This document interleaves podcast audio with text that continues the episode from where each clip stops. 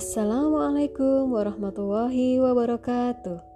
Hai, kembali lagi bersama saya di Cica Sukses Channel. Kali ini saya akan menyampaikan hadis-hadis Rasulullah tentang keutamaan membaca Al-Qur'an. Seperti yang kita ketahui bersama bahwa kaum muslimin di bulan suci Ramadan ini berlomba-lomba melakukan amal kebajikan Salah satunya adalah dengan memperbanyak membaca Al-Quran. Tapi, tahukah kalian apa sih keutamaan dari membaca Al-Quran itu? Yuk, check it out!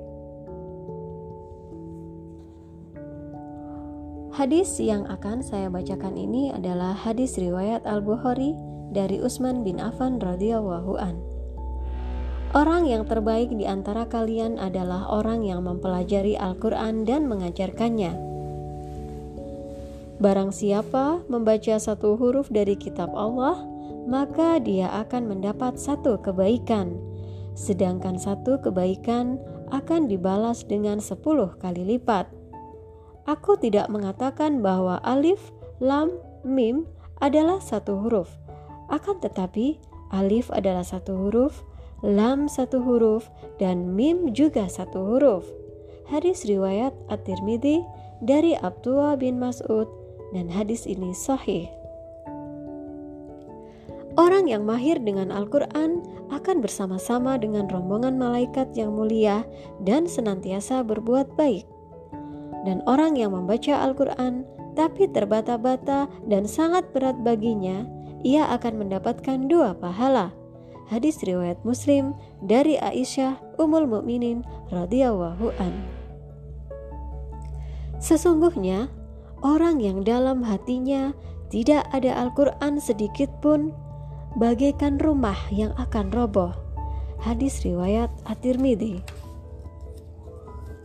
Bacalah Al-Qur'an karena Al-Quran akan datang pada hari kiamat kelak memberi syafaat pembelaan bagi ahlinya hadis riwayat Muslim dalam kitab sahihnya dari Abu Umamah Al-Bahili radhiyallahu an. Al-Quran adalah kitab yang menjadi pembela dan bisa diminta pembelaan. Ia adalah kitab yang mahil dan musodak. Siapa saja yang menjadikan Al-Quran ada di depannya, maka ia akan menuntunnya ke surga. Tapi siapa saja yang menjadikan Al-Quran di belakangnya, maka ia akan menggiringnya ke neraka.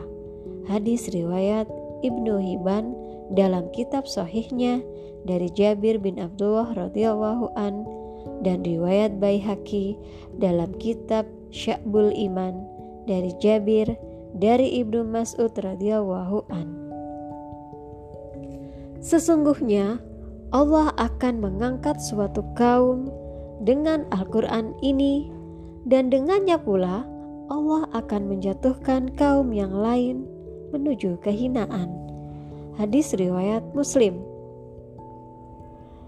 Kelak di akhirat akan dikatakan kepada sahibul Quran, "Bacalah, naiklah terus, dan bacalah dengan perlahan-lahan."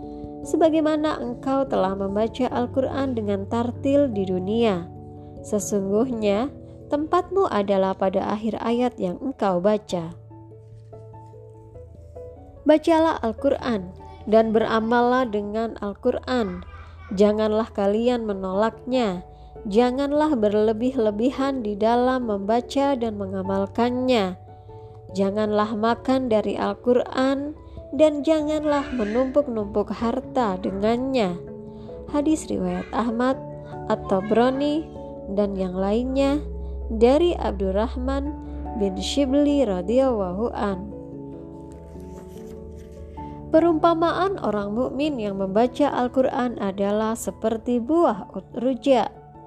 Rasanya enak, baunya harum. Perumpamaan orang mukmin yang tidak membaca Al-Quran adalah seperti buat tamrah. Rasanya enak, tapi tidak wangi. Sedangkan perumpamaan orang munafik yang membaca Al-Quran adalah seperti buah roihana. Baunya harum, tetapi rasanya pahit. Dan perumpamaan orang munafik yang tidak membaca Al-Quran adalah seperti buah handola. Baunya tidak harum dan rasanya pun pahit. Hadis riwayat Bukhari dan Muslim dari Abu Musa al-Ash'ari radhiyallahu an. Peliharalah hafalan Al-Quran, sebab demi zat yang jiwa Muhammad ada di tangannya, sesungguhnya Al-Quran lebih cepat lepasnya dari ingatan daripada lepasnya unta dari tambatannya. Hadis riwayat Al-Bukhari dan Muslim dari Abu Musa Al-Ash'ari radhiyallahu an.